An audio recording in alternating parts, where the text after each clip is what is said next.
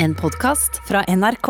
Nikolai Torgersen er kunstner. Han er utdanna på Einum Granum kunstfagskole og debuterte på Høstutstillingen i 2012, bare 22 år gammel. Verkene hans er en blanding av realisme og abstraksjon, og den siste tiden har han solgt for millionbeløp og gjort et stort samarbeid med bl.a. Sondre Lerche. Bak seg har han lagt tiden som rusmisbruker og hjemløs. Dette er Drivkraft med Vegard Larsen i NRK P2. Nikolai Torgersen, velkommen til Drivkraft. Takk skal du ha. Hvordan har du det? Det er det fint.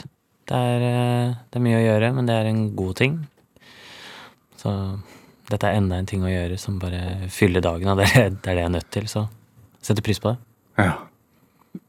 Tenker du er nødt til det? Ja. Eh, for mye dødtid og for mye stirring i veggen på en måte virker egentlig livsfarlig. Og har vist seg å være livsfarlig for meg også, så eh, Det å på en måte okkupere bare 24 timer i døgnet er vel egentlig det jeg prøver på. Så mye arbeid sånn sett er jo ideelt. Er det? Altså, jeg, jeg legger alltid en blokk eh, på bordet her foran gjestene mine i studio, for at de skal Hvis de har en eh, tanke i hodet som de vil notere, for å huske den i løpet av en time.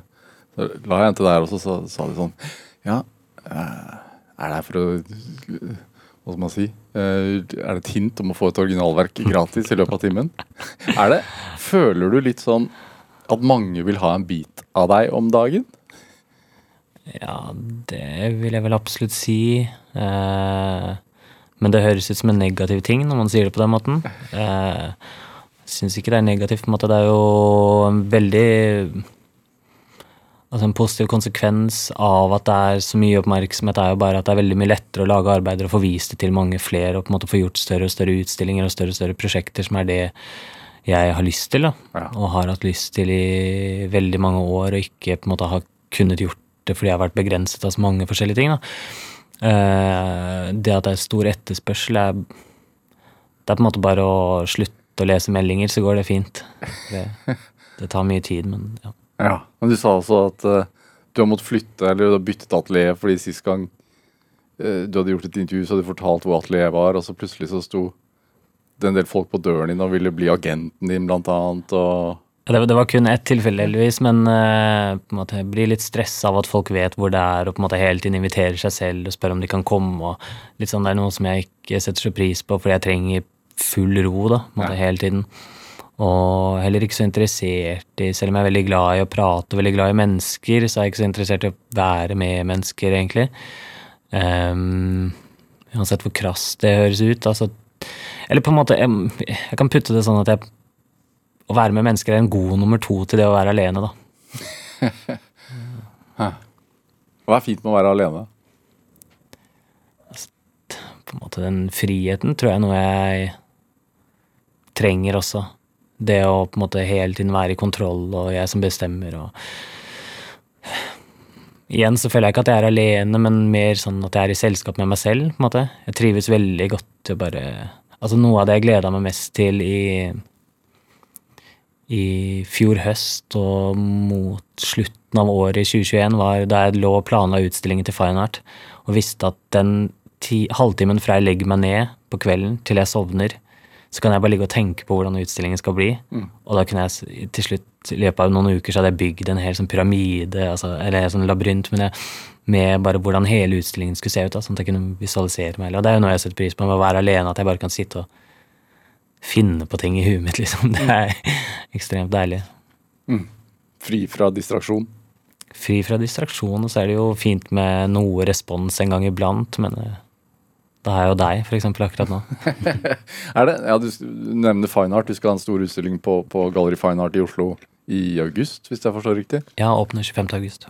Er det Føler du deg aleine når du står og jobber i studio også? Eller sånn Er er det en konstruktiv uh, aleinetid, eller er det jobb?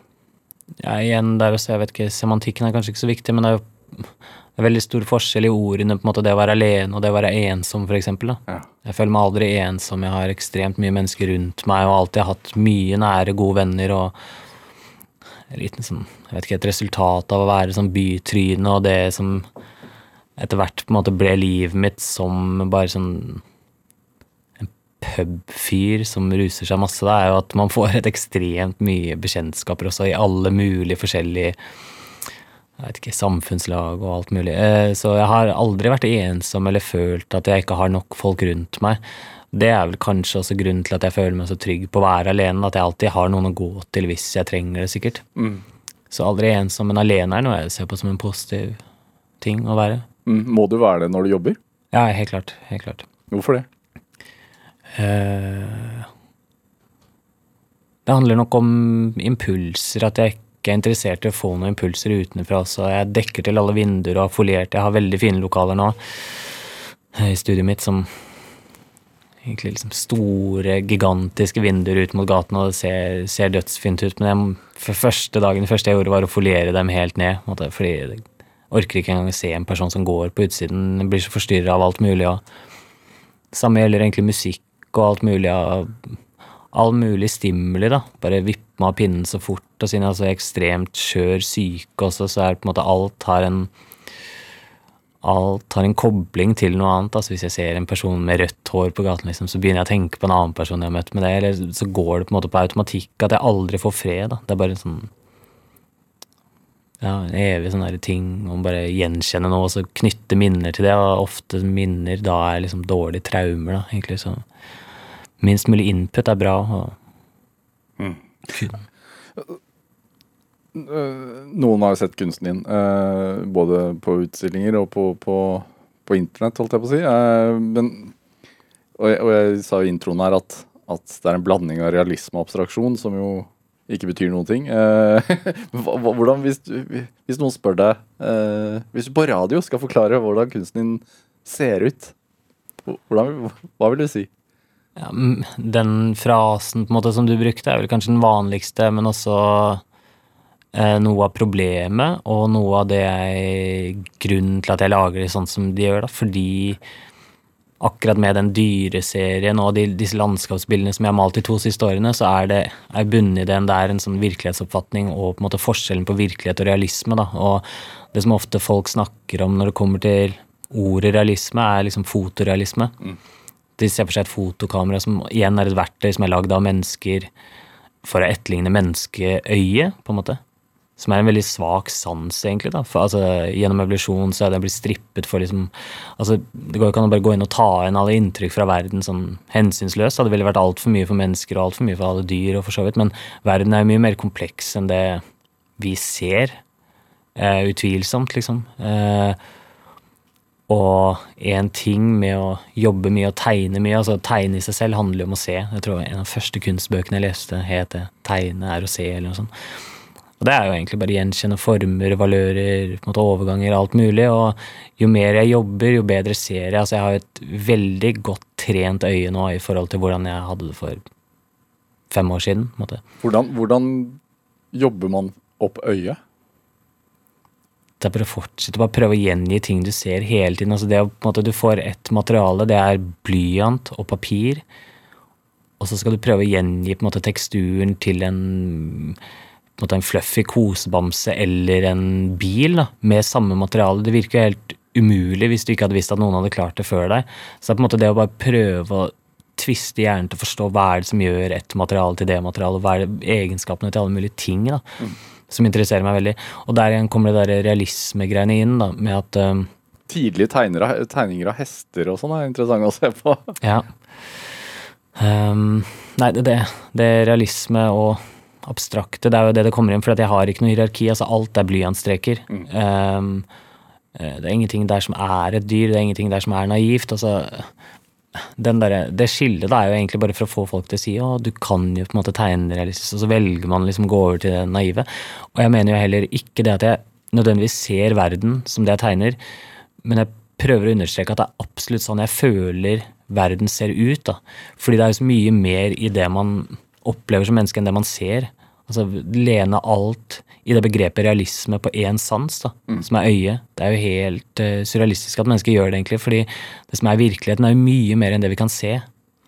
Uh, og det er vel det jeg prøver å i hvert fall starte en liten diskusjon om, en kun for min egen del, om da, dette med at uh, realisme kan like liksom godt være disse naive, barnslige, abstrakte strekene. da. For det føles eh, ofte veldig kaotisk. Så det er en kommentar til, eller det er en beskrivelse av sansing, rett og slett? Ja, det kan du si. Jeg, jeg, det har absolutt noe med sansene å gjøre. Det man ser, er ikke så viktig, selv om jeg er ekstremt redd for å bli blind. og Jeg tror ikke jeg hadde klart meg uten det. på en måte, Så er jo på en måte øyet og det jeg ser, er ikke så viktig hvordan jeg føler at jeg har det. på en måte. Jeg tror hvis du, hvis du møter en person som du aldri har hilst på før, og så er dere sammen i 30 sekunder, og så blir du spurt ti minutter etterpå hva slags uh, måte farge den personen hadde på neglelakken sin eller øynene, eller hva som helst, så kan det kanskje være vanskelig å uh, være helt sikker på det, men du er helt sikker på følelsen du hadde av mennesket hvordan du opplevde mennesket de 30 sekundene, om det var fiendtlig eller liksom alt mulig sånn, det er jo noe som setter seg veldig i oss. da. Mm. Istedenfor akkurat hvordan det ser ut. Det er ikke så viktig liksom, for hvordan man opplever ting. da. Mm. Og, og, den følelsen har du med deg når du står og jobber? Nei, det er vel heller en idé som jeg har vært interessert i. Det er jo veldig viktige greier oppi det store og det hele, liksom. Men når det er en gang det jeg gjør, så det er en idé jeg er interessert i, bare, så jeg vil på en måte bare grave meg dypere og dypere inn i det. da, Se hvor langt jeg kan gå. Og nå, akkurat nå så føler jeg at det er på et bra sted. Jeg klarer å trigge denne samtalen ofte nok med folk. da. I hvert fall folk som kommer og ser utstillingen og sånne ting. Ja. Trigger hvilken samtale? Den samtalen om på en måte det som alltid starter med at det er noe realistisk og noe abstrahert og på en måte eh, Ja. Du er jo eh, aktuell denne måneden i Bergen. Ja, stemmer.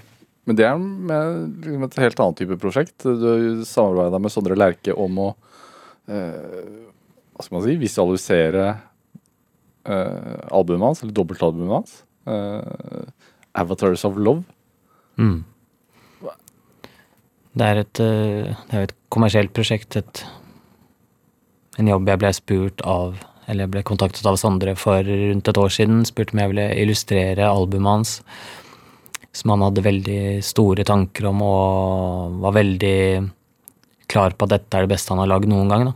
Og viktigste for han. Og sånn sett er det jo ærefullt å få det oppdraget om å illustrere det og lage et sånn visuelt univers knyttet til albumet. Mm. Eh, men det passer jo meg veldig fint, siden jeg har veldig lyst til å gjøre alt veldig stort selv. da, med at jeg har lyst til at det skal bli massivt. Jeg har lyst til å vise på en måte potensialet mitt hele tiden. Uh, så um, det prosjektet har egentlig bare vært en drøm hele tiden. Det er veldig mye å gjøre, men det er også positivt. Så opp gjennom dette året hvor jeg har lagd uh, alt visuelle til han, så har det også blitt en del tegninger, altså originaltegninger, skisser, alt mulig. Både tidlig stadie skisse for å prøve å finne uttrykket som passet han mm -hmm. og albumet, men også liksom store, ferdige arbeider som er direkte som dette er singelcoveret til f.eks. Dead of the Night, som er en av sangene på albumet, osv. Hvordan ser det ut? Uh, det singelcoveret digitalt på Spotify så er det på en måte fire ganger fire centimeter stort. Eh, I virkeligheten så er det en 120 ganger 120 meter stor 120 ganger 120 cm stor tegning.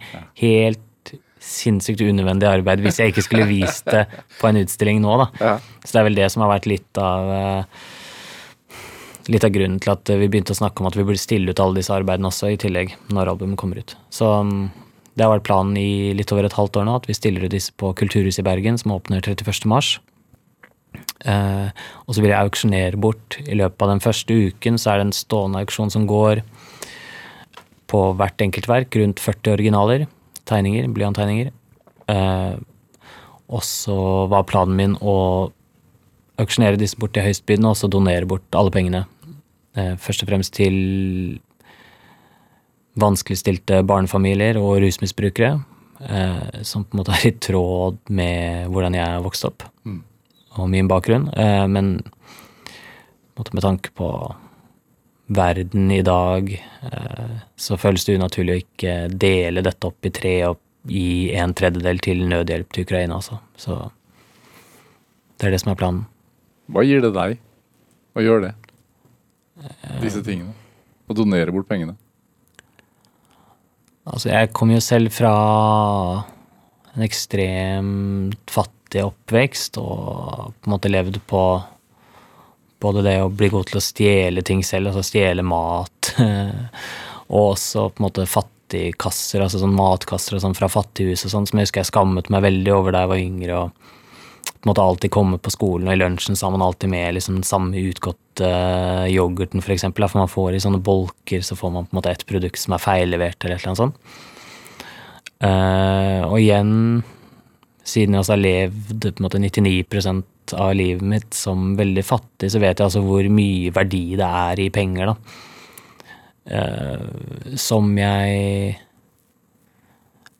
på en måte prøver å ikke miste, da, selv om jeg akkurat nå har uh, på en måte en økonomisk trygghet. Så, så, er det det jeg vet hvor viktig på en måte bare en hundrelapp var for meg i de verste tidene. da, Bare ikke tanken på på en måte ha 1000 kroner som man fikk, og så alle summer som er femsifra, det har jeg aldri hørt om engang. På en måte 10 000 kroner var jo ekstremt, så det å gi det til andre som trenger det mer enn det jeg altså, trenger det akkurat nå, for nå har jeg det jeg trenger, på en måte, det syns jeg egentlig bare er rimelig. Jeg vet ikke. Siden du snakker om barndommen din, altså du, er fra, du er fra Oslo. Mm. Eh, hvor i Oslo? Um, fra Grünerløkka, Rodeløkka. Ja. Du sier at du vokste opp uh, fattig. Hva, hva, mener du med det? egentlig? Altså, Grünerløkka for uh, Nå er jeg ikke dritgammel, men liksom for bare 30 år siden så var det jo noe helt annet enn det det er i dag. Og på Rolløkka der jeg kommer fra, det er jo et av de dyreste strøkene i Norge å bo nå. Men for 30 år siden så tilhørte det på en måte en sånn gammel Altså mange av husene var jo okkuperte. Det er jo bare gamle rønner av gamle trehus, liksom. Gamle hestestaller, sånn som huset vi bodde i, som var okkuperte, og som tilhørte liksom eh, fattigfolk, da. Bermen. Jeg vet ikke, det var jo på en måte dit nordlendinger f.eks. ble henvist til da de kom til Oslo. da, Så skulle de liksom flytte der. Så alle gatene het jo Bodøgata, Tromsøgata, Hamfestgata. Mm. Um, og dette er noe som forandret seg over tid, men eh, altså Foreldrene mine også hadde jo sine problemer med, med diverse ting, men også vært sosiale klienter og sånne ting. Så, og mange barn, som også er en sånn typisk gjenganger for fattige familier. at de, de kløner det til å få mange unger, liksom. Så det er jo en utgift, det også. Uh, så at jeg har vokst opp langt under fattigdomsgrensa, tror jeg Det er bare sånn det er. på en måte. Visste du det som barn også? Skjønte du det som barn? Nei, jeg vil si dette er noe som er litt rart òg, fordi måte da man får spørsmål om dette, om hvordan det føltes og hvordan man opplevde det, sånn, så er det jo litt vanskelig når man ikke har noen andre referansepunkter enn sitt liv. Mm. Det er jo det man tar av, det man kjenner av. Jeg har jo kun opplevd det jeg har opplevd, så på en sånn skrudd måte så er det det som blir normalen, ikke sant. Eh, men, men jeg visste at eh, Og så har det jo vært tider som har vært bedre og dårligere også, da, selvfølgelig. Eh, men ja, sånn som jeg visste at på en måte når eh, Når jeg plutselig rota det til skikkelig og ikke hadde noe penger og ikke hadde noe jobb og på en måte ble sykere og sykere også, så Altså med tanke på avhengigheten og alkoholismen, liksom, så så plutselig så bodde jeg på gata. da, Plutselig var jeg hjemløs, liksom. Eh, og da, da, er det ikke noen foreldre å falle tilbake på for eksempel, som har penger eller hus eller økonomi. eller noen ting. Altså, på det samme tidspunktet så hadde jo ikke faren min noe sted å bo. Eh, ikke lillebroren min, så det er jo på en måte vanskelig situasjon. Men det er bare normalen. Jeg har ikke opplevd noe annet, så mm. Hva, hva drømte du om som barn? Jeg har nesten ingen minner før jeg ble 14, cirka. Altså om fremtidsutsikter, eller Nei. generelt? Generelt. Jeg kan huske første gangen jeg Jeg kan huske første gangen jeg tenkte, på en måte. Det høres ut som at jeg hatt liksom en hjerneblokk fram til jeg var som 14 år. Men jeg husker jeg satt på fly til Trondheim og ble ble liksom bevisst på at oi, faen, dette er meg. At det er jeg som styrer kroppen og min bevissthet. Eh, og dette er jo helt uh, typiske konsekvenser av, eh, på en måte barndomstraumer og ganske sterk PTSD, da, som jeg lider av. Eh, og igjen, når man kommer fra på en måte vanskelige forhold og liksom fattige forhold, så, så er det ikke noe sånn Så blir kanskje de drømmene sånn innsnevra. Mm. Eh, vet ikke om man kanskje ikke tør å tenke stort, liksom, men jeg drømte jo om å bli fotballspiller. Jeg husker at jeg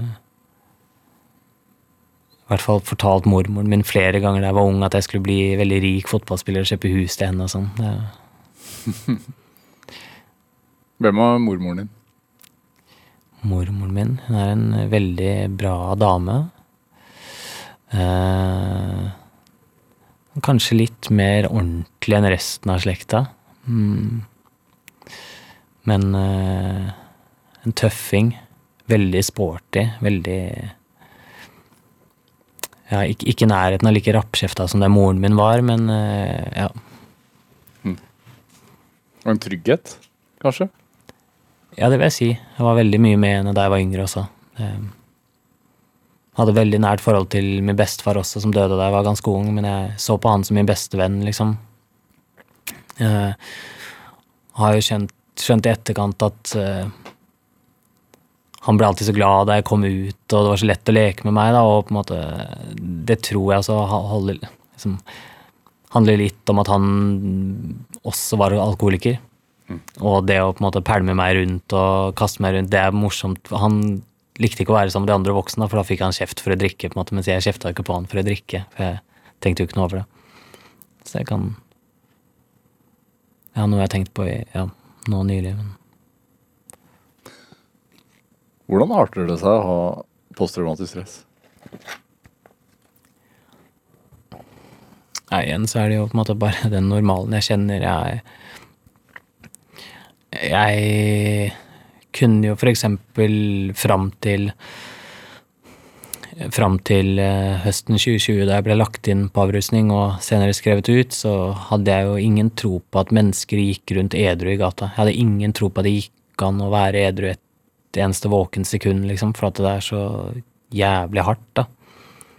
Og det er det er så tungt at det ikke går an å leve med, egentlig. Eh, ja. Men samtidig med dette, her, altså, du var en habil idrettsutøver. Altså, du var god i skating, for eksempel. Ja. Det- Altså, det, alt er relativt, men Du ble sponsa og sånn, hvis jeg forstår det riktig. mm, stemmer. Jeg har også vært eh, også løpt eh, en sprint-NM og sånn også, faktisk. og selv om jeg ga meg ganske tidlig med fotballen, så var det et talent der òg, selv om jeg ikke tror noe særlig på talent. da. Altså, handler om hardt arbeid. Ja, hvorfor det? Hva, hva, altså, du, tror ikke man har et iboende talent? Nei, altså jeg kan gå med på at genetikk og på en måte medfødte fysiske kvaliteter, som det å på være litt lengre hvis du skal drive med høydehopp eller basket og sånn, har noen fordeler, men eh, og motorikk også er noe som delvis er medfødt, men altså alt mulig teknikk og sånn er noe som man må lære seg, så handler det litt om lærevillighet også, men altså jeg var ekstremt dårlig til å tegne for 15 år siden. Altså helt bunnivå verste, liksom. Så det er bare noe jeg har lært meg. Samme med f.eks. gitar også. Det var den absolutt dårligste i klassen på ungdomsskolen. Altså jeg klarte ikke ikke nærheten av å spille Tom Dooley, liksom. Mm. Og så prøvde jeg litt selv et år etterpå hjemme hos fetteren min, og da, da gikk det på en måte et, et år etter det så spilte jeg min første konsert. Liksom. Så det var veldig lett å lære det bare hvis man får riktige sånn, premisser, da, eller riktig læringsgrunnlag, eller hvis man har en base for læring, eller et eller annet. Eh, Så noe sånn talent har jeg ikke så veldig tro på, egentlig. Men du begynte å sysle med tegning og, og, og det å skape ting på ark og sånn ganske tidlig? Ja, og det, det tror jeg også kommer Om det er direkte knytta til liksom skateboarding, det, det tror jeg absolutt, for det er jo også veldig drevet av på en en sånn skapende greie. Da, at man finner nye ting å bruke i Bibelen og sånne ting. Um, En krakk kan være så mye mer enn en krakk. ja, absolutt. Og det også handler jo om eh, måten man viser hvem som er Hvem som hevder seg da innenfor skate. Er jo ikke nødvendigvis konkurranser i de konkurranseformatene, selv om de har utviklet seg de siste 20 årene og blitt veldig mye bedre. Så var det da jeg starta, det eneste som var viktig, var jo å filme videoparts som man gir ut hvert år. da, Og ta bilder av og dokumentere ting. Derfor er på en måte den der kreative delen ved å skape noe, enten en film eller ta bilder, veldig essensiell for hvordan jeg brukte årene da jeg var 12, 13, 14. da. Ja. Men begynte du også å, å, å, Det å ta bilder og, og filme og sånn, men begynte du også gå i en kunstnerisk retning sånn med, med, med tegning den, på den tiden? Jeg har alltid vært glad i å tegne, men Men det er nok Mer mer noe jeg bare aldri slutta med, for det er jo altså Alle barn gjør jo det. Og så er det noen som fortsetter å bare holde på med det, men å drive med det seriøst var ikke noe jeg holdt på med sånn i veldig ung alder, egentlig. Men jeg husker jeg Hva tegna du da? da? Så jeg er mye sånn fortsatt å prøve å gjengi fugler fra fuglebok på hytta til mormor og sånn, husker jeg var ganske gøy. og Det er jo en mestringsfølelse i det også, å klare å på en måte si at man har tålmodigheten, og at det kan bli noe etter hvert, da, som er ganske spennende. Mm. Altså, så igjen handler det om Jeg har også vært veldig liksom, opptatt av tagging òg, opp igjennom, fordi det også er sånn ekstremt egoistisk, men eh, drivende sånn behov for å bare markere ting, da. Og drive og klusse til ting, eller forandre på ting, eller vise på en sånn egoistisk måte at her var jeg også, og se på meg, oppi det hele. Eh, bare for å vise at man er til stede, eller annet. Jeg vet ikke. Mm. Nicolai Torgersen, vi skal spille litt musikk. Du har med en Nick Drake-låt. Uh, 'Fruit Tree'. Hvorfor det? Eh, første jeg kom på da jeg ble spurt om hvilken sang jeg ville ha med, men uh, Nick Drake har alltid vært veldig til stede i livet mitt fra da jeg ble introdusert for han. Det var en teamsjefen på det merket som sponsa meg med sko. Uh, viste meg det på en sånn turné vi var på i Norge en gang. Hun sa ok, du, du er en trist, deprimert 16-åring, 17-åring, liksom, du må høre Nick Drake. Og det var helt perfekt. altså Jeg har aldri identifisert meg mer med noen hele mitt liv. da. Så Den ensomheten der var noe jeg også fant trøst i, men også begravde meg ganske mye. Så Ja. Han synger jo om anerkjennelse i den låten her. ja, absolutt. Og kanskje også etter sin død, liksom. Og Ja. ja. Ja, Skal vi høre? gjerne.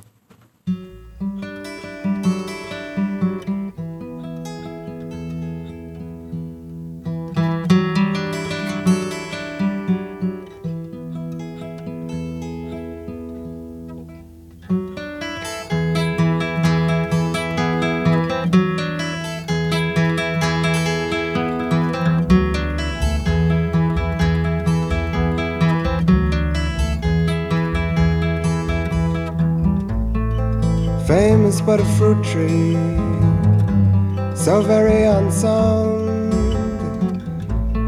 It can never flourish till its stalk is in the ground. So men of fame can never find a way till time has flown far from their dying day.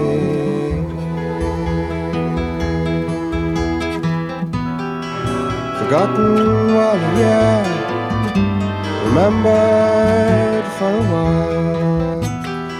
A much updated ruin from a much outdated style.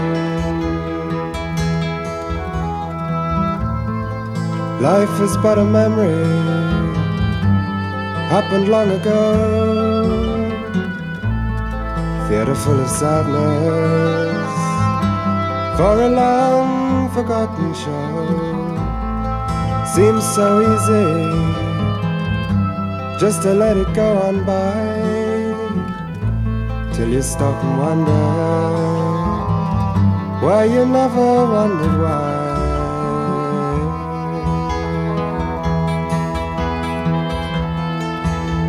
Safe in the womb of an everlasting night. You find the darkness can give the brightest light. Safe in your place deep in the earth. That's when they'll know what you really want. Forgotten while you're here, remembered for a while. Much updated ruin from a much outdated style.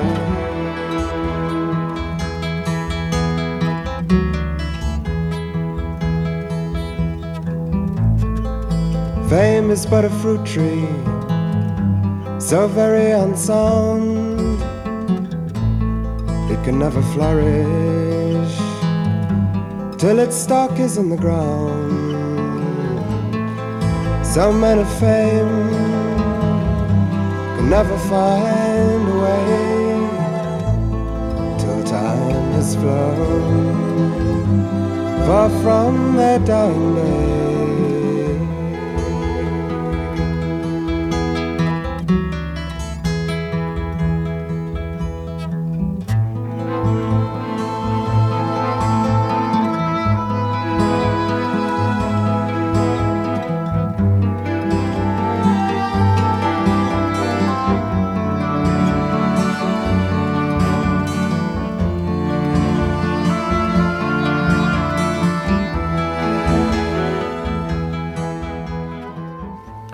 Ja, du fikk eh, Nick Drake med Fruit Tree her i Drivkraft på NRK P2, valgt av dagens gjest her i Drivkraft, nemlig kunstner Nicolai Torgersen.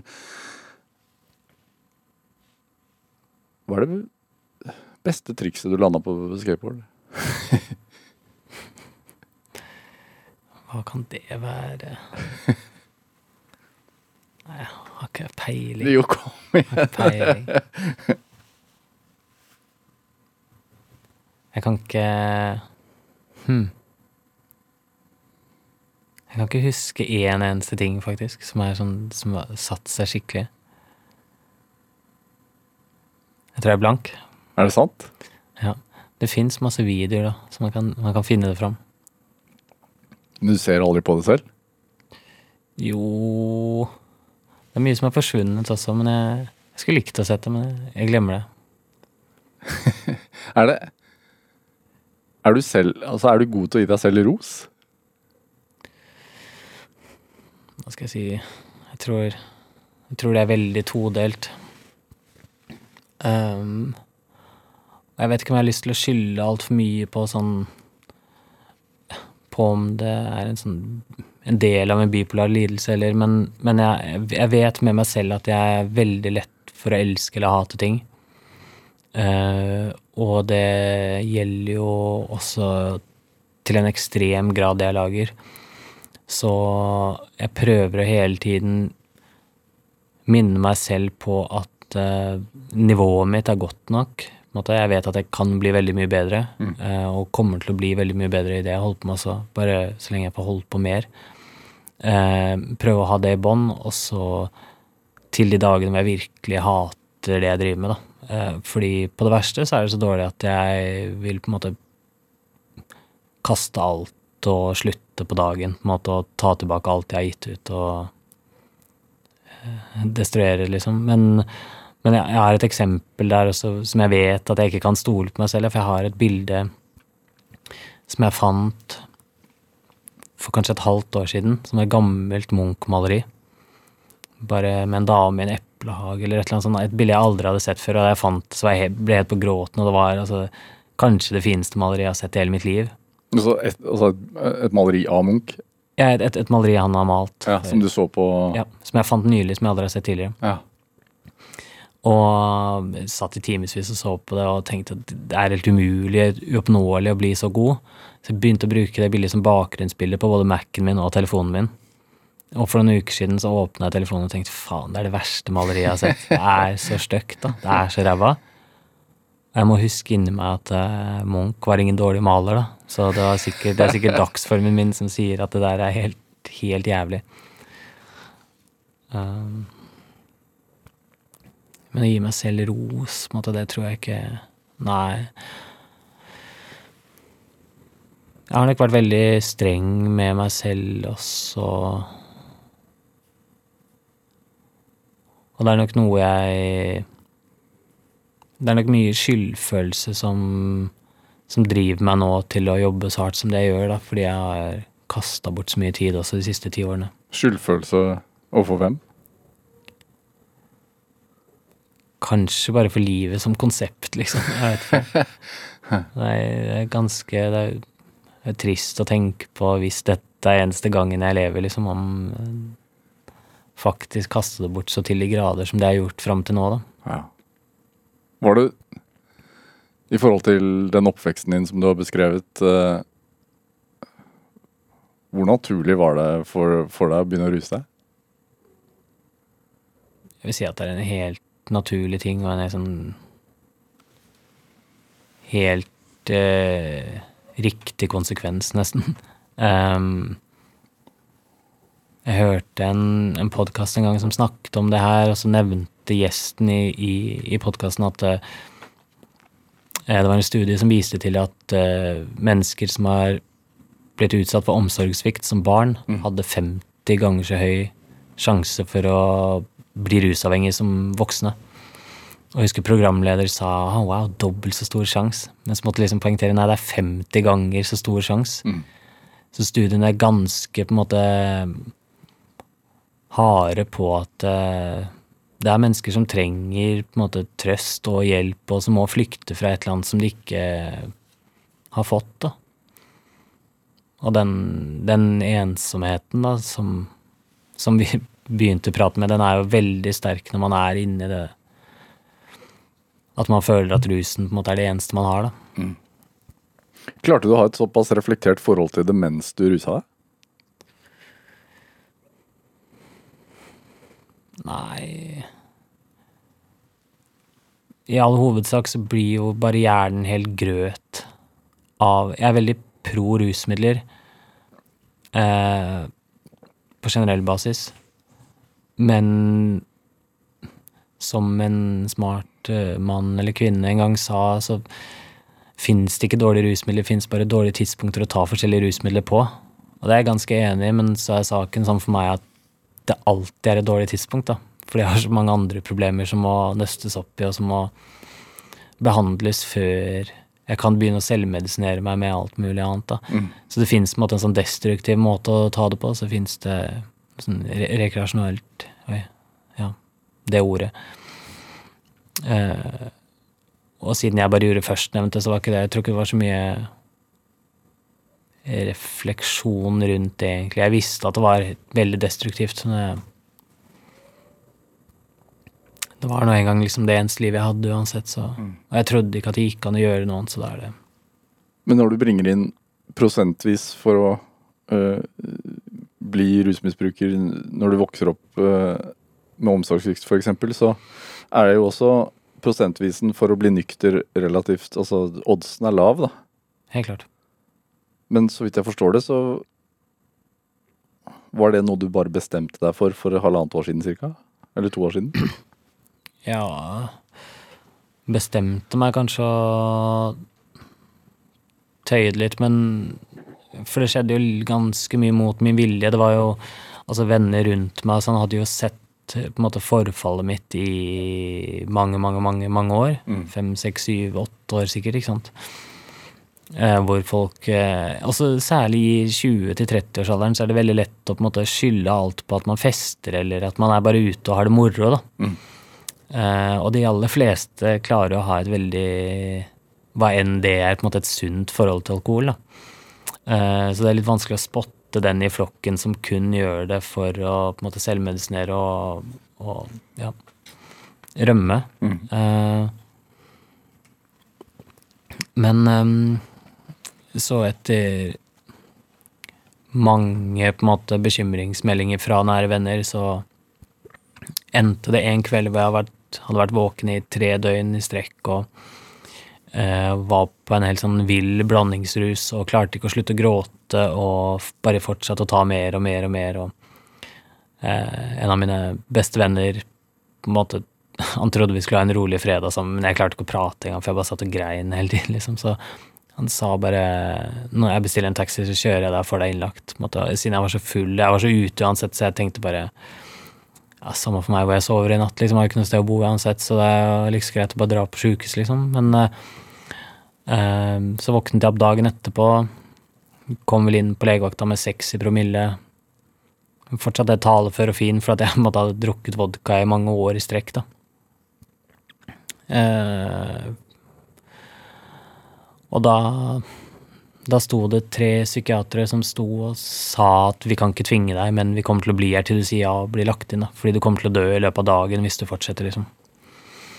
Uh, og jeg sa nei i to-tre timer og bare gråt og gråt og tenkte på at jeg måtte på polet og kjøpe en ny flaske med sprit, liksom. Men uh, til slutt så var jeg så sliten at jeg bare sa ja. Jeg tenkte at de garantert har noen bra piller på avrusninga for å hjelpe på en måte ja, for å roe meg ned igjen. Så da jeg slapp ut derfra, så var det på en måte Da hadde jeg klart å være edru en uke for første gang i mitt voksne liv, så jeg tenkte ja, dette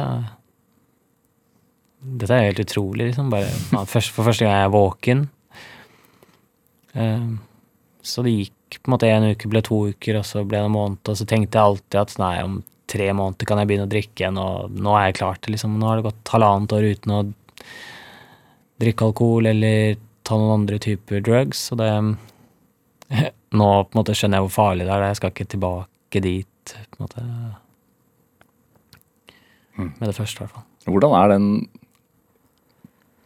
edrutilværelsen? Det er noe helt annet. Og som jeg sa i stad, så trodde jeg jo ikke på det før nesten at mennesker rundt i samfunnet var edru, fordi jeg klarte ikke å fungere selv. På det verste så var det jo Så sov jeg med en spritflaske eller en vinflaske i senga, fordi jeg visste at det sekundet jeg våkner opp, så må jeg begynne å drikke, da. Og det Og da, da, da nytter ikke Da er jeg så dårlig i form da jeg våkner at jeg ikke engang klarer å gå fra senga mi til kjøleskapet på en måte for å hente en øl. da. Så jeg, jeg må, det må stå ved siden av senga, sånn at jeg kan begynne å drikke ved første sekund. Og hvor sterkt det der er, og hvor heavy den sykdommen, liksom alkoholisme, er, da, det er helt Helt ubegripelig, fordi det er et rusmiddel som bare er rundt oss i samfunnet hele tiden. da. Mm. Eh, så jeg har forståelse for at folk ikke, ikke kan forstå hvor sinnssykt det kan bli. da. Hvordan er det for deg å ha galleriåpninger og sånn, eller åpninger på utstillinger og sånn, hvor man serverer gjerne både vin og øl? Nei, jeg syns ikke det er noe problem, egentlig. Jeg, igjen så er jeg jo veldig, som sagt, veldig pro rusmidler også. Eh, Hvorfor er du det? veldig for individets frihet. Jeg skjønner ikke hvordan noen kan bestemme eller ikke bestemme liksom, hva jeg skal drive med uansett. Det gir ingen mening for meg. Jeg har vokst opp med veldig anarkistiske foreldre også, som har latt meg gjøre hva jeg vil. Og det er jo eh, mange konsekvenser av det, helt klart, som jeg har måttet betale for. Mm. Eh, men eh, men igjen, altså, rus har vært med mennesket siden begynnelsen, liksom. I Mm. titusenvis av år. Det, selv i på en måte de, de aller, aller strengeste fengslene i USA er det masse dop. I på en måte Filippinene, hvor det er dødsstraff for å selge eller bruke dop, er det masse dop. Altså, mennesker kommer til å bruke det uansett. da. Nytter ikke å straffe dem med det. Eh, pluss at alt Alle har alle har forskjellige avhengigheter. da. Altså Koffein også er jo et rusmiddel altså per definisjon, som alle bruker. Ikke du. Ikke jeg. Det er du redd for. ja, ja. Um, Det er jo det er jo eh, ja, det er veldig paradoksalt. Ja. Eh, Du sikter til at du tilbød meg kaffe Ja. da jeg kom inn her, og jeg ikke drikker kaffe fordi jeg fikk beskjed av legen min etter en hjerteoperasjon for ti år siden at jeg burde ikke drikke så mye koffein, men har jo på en måte fått i meg alt av piller og pulver og speed og amfetamin og alt. det Helt sånn Det kan jeg liksom finne på gata og få i meg, liksom. Så det er noe ja, paradoksalt her. Hva annet er du redd for enn koffein? Jeg er alt. Jeg jeg er redd for alt mulig. Eh, Men mest av alt mitt eget sinn, tror jeg. Jeg er veldig redd for å på en måte forsvinne inn i meg selv og Sånn som jeg tidligere Det som jeg har lært etter to år med samtaleterapi nå, både psykolog og psykiater og gruppeterapi og mye forskjellig er at før så var jeg helt overbevist om at jeg var 99% gal. På en måte at det bare var et, en dråpe som skulle til for at jeg var liksom i tvangstrøye og, og bli fullmedisinert og bli bare stua vekk, da. Så har jeg skjønt etter mye samtaleterapi at, sånn at jeg kanskje er mer normal enn det jeg liker å tro. At jeg ikke er så spesiell. At folk egentlig har mye ting de sliter med, og det er helt vanlig å kjenne på frykt for eh, forskjellige situasjoner og hypotetisk og alt mulig. Så er jo mine psykiske lidelser også knyttet ganske sterkt til oppveksten min og ting jeg har opplevd som barn, men, og som voksen også, for så vidt. Men, men på en måte det å lære seg at det går fint, da ikke er så farlig, det er nok. Klarer du å stole på folk? Nei. Ingen? Nei. Jeg stoler på kjæresten min, det jeg. Hun Hun er liksom en trygghet. Um, Søsknene mine, faren min Men det er ikke så mange andre Nei, det er, det er veldig vanskelig, det egentlig, og det kan jo også komme med at man har blitt uh, måtte såret av det før. Det er jo Nei, Det er jo en klisjé, kanskje, men er, er liksom kunst et substitutt? Det å skape? Ja, det vil jeg absolutt si. I aller høyeste grad, egentlig. Det um, Jeg hadde aldri klart å være edru hvis jeg ikke hadde hatt det. Og bare jeg tar meg en dag fri og finner på noe annet, så på en måte blir jeg helt slukt av den uroen og den angsten og all nervøsitet, da. Eh, Med en gang jeg på en måte prøver å slappe av bare og ta en ferie eller en fridag, så det funker ikke i det hele tatt. Jeg må på en måte låse meg inn i arbeidet. Jeg tror sikkert ikke jeg kunne sitte her og hatt den samtalen her eller hvis det ikke hadde føltes som jobb. Vet du. måte. Eh, så, så kunsten Kanskje ikke nødvendigvis i seg selv, men det å gjøre noe er ekstremt viktig.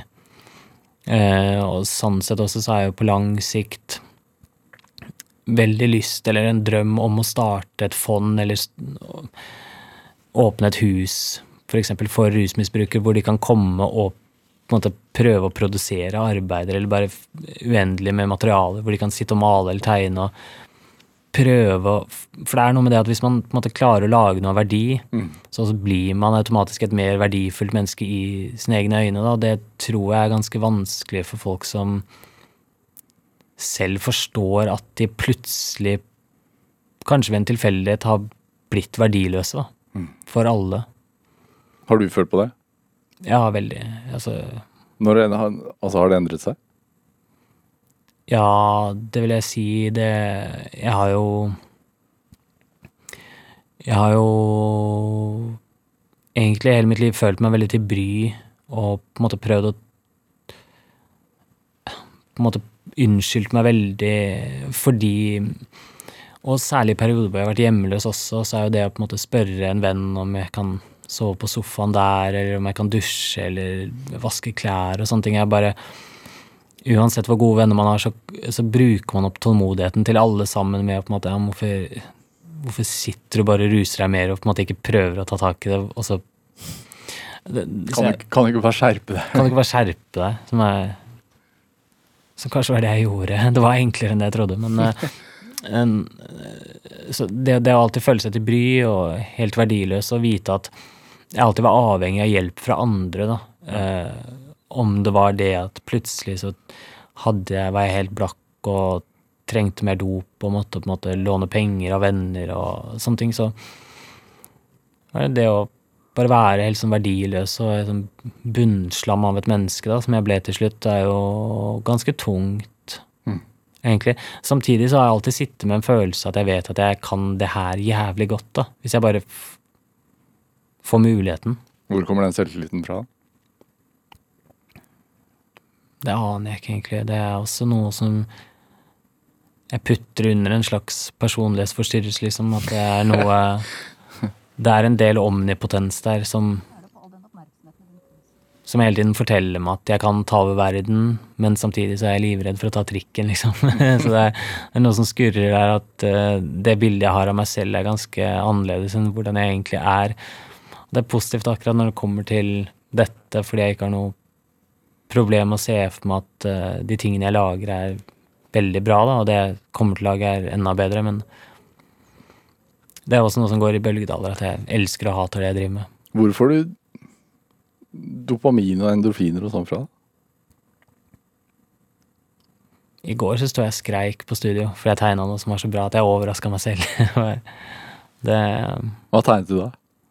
Jeg begynte på et nytt landskapsmotiv. Bare et stort, eh, en stor kullblyanttegning. To meter stor, som jeg aldri har prøvd før. Aldri jobbet på så store formater før, så det var ganske ekstremt. Jeg ble overraska over hvor lett det var, og hvor bra det ble. liksom. Er det viktig for deg å være ærlig om dette her? Mm, I hvilken grad? Nei, å fortelle historien din, oppveksthistorie, rusproblematikk. Ja, det er nok det Men det, det er jo også bare en konsekvens av det jeg har vært inne på tidligere, om at det er bare det som er naturlig, og det er det, som, det, er det ens liv jeg har, og det, og det skillet mellom et sånt privatliv Mm. og det offentlige meg utad, det er helt visket vekk for min del. Jeg, men det, det kommer også som en konsekvens av at jeg ikke har noe skille mellom måte, Uansett hvor pretensiøst det må høres ut, så er det ikke noe skille mellom kunsten og livet. Det er det det er, på en måte. Mm. Det er ikke noe sideprosjekt som jeg holder på med på toppen av livet mitt, liksom. Det er Er det Altså, når du skaper noe, er det viktig for deg hva vi som ser på det, hvilken reaksjon vi får, eller er du liksom ferdig med det når du tar det ut av atelieret?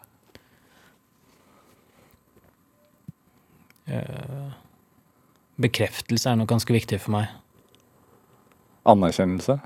Anerkjennelse har vært veldig viktig for meg. Og jeg merker at det helt klart er en ting som gjør det lettere for meg å akseptere det jeg driver med. At andre også på en måte godkjenner det. Men det dabber mer og mer av. altså Det er kanskje noe som er viktigere Hva skal jeg si i starten av denne, dette nye livet, da. Liksom livet 2.0 som edru. Var nok kanskje anerkjennelsen og den der bekreftelsen viktigere, ja. Mm. Men jeg er nok mer drevet av den enn det jeg vil, liker å innrømme også, tror jeg. Hva, ten hva tenker du er drivkraften? da? Det er så sammensatt. Eh, Jeg har helt åpenbart et behov for å bevise for meg selv og andre at jeg klarer å på en måte bestige det fjellet og komme meg på toppen uten noens hjelp, da. Siden jeg på en måte har hatt Siden jeg har vært så langt nede på bunnen og på en måte har sett så mørkt ut på alle mulige måter at jeg ikke hadde noen sjanse for å lykkes, så er nok det en ganske stor drivkraft å på en måte motbevise ikke nødvendigvis spesifikke personer, men mer sånn verden, liksom, eller meg selv, da. Eh,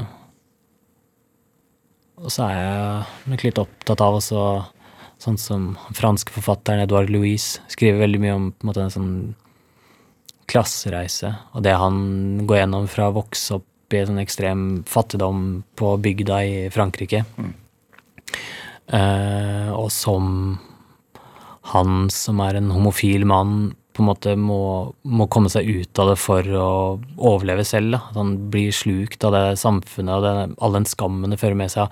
Han har så mange gode eksempler som er helt sånn åpenbare, men som er litt som man ikke tenker over før noen sier det, men sånn som for eksempel det å Hvis du er en fattig, overvektig person som sitter og sigger på en campingplass, så er det på en måte det mest harry og stygge du kan tenke deg, men hvis Kate Moss går og røyker, eller sier liksom James Dean, og så er det det kuleste som fins. Og som samme med liksom hullete klær. Hvis du er fattig, så ser det så tarvelig ut, da. Mens hullete klær når du er rik, og hvis du har gjort med vilje, så, så ser så rått ut. da. Det, det, han skriver om, er jo det at hvis du er fra en sånn lavere klasse, mm. så kan du aldri vinne. Uansett hva du gjør, så blir det sett på som noe stygt. Fordi du er den Du er bare mindre, da. Mm. Og dette er noe som ligger ganske dypt i oss som samfunn, da. Og som mennesker.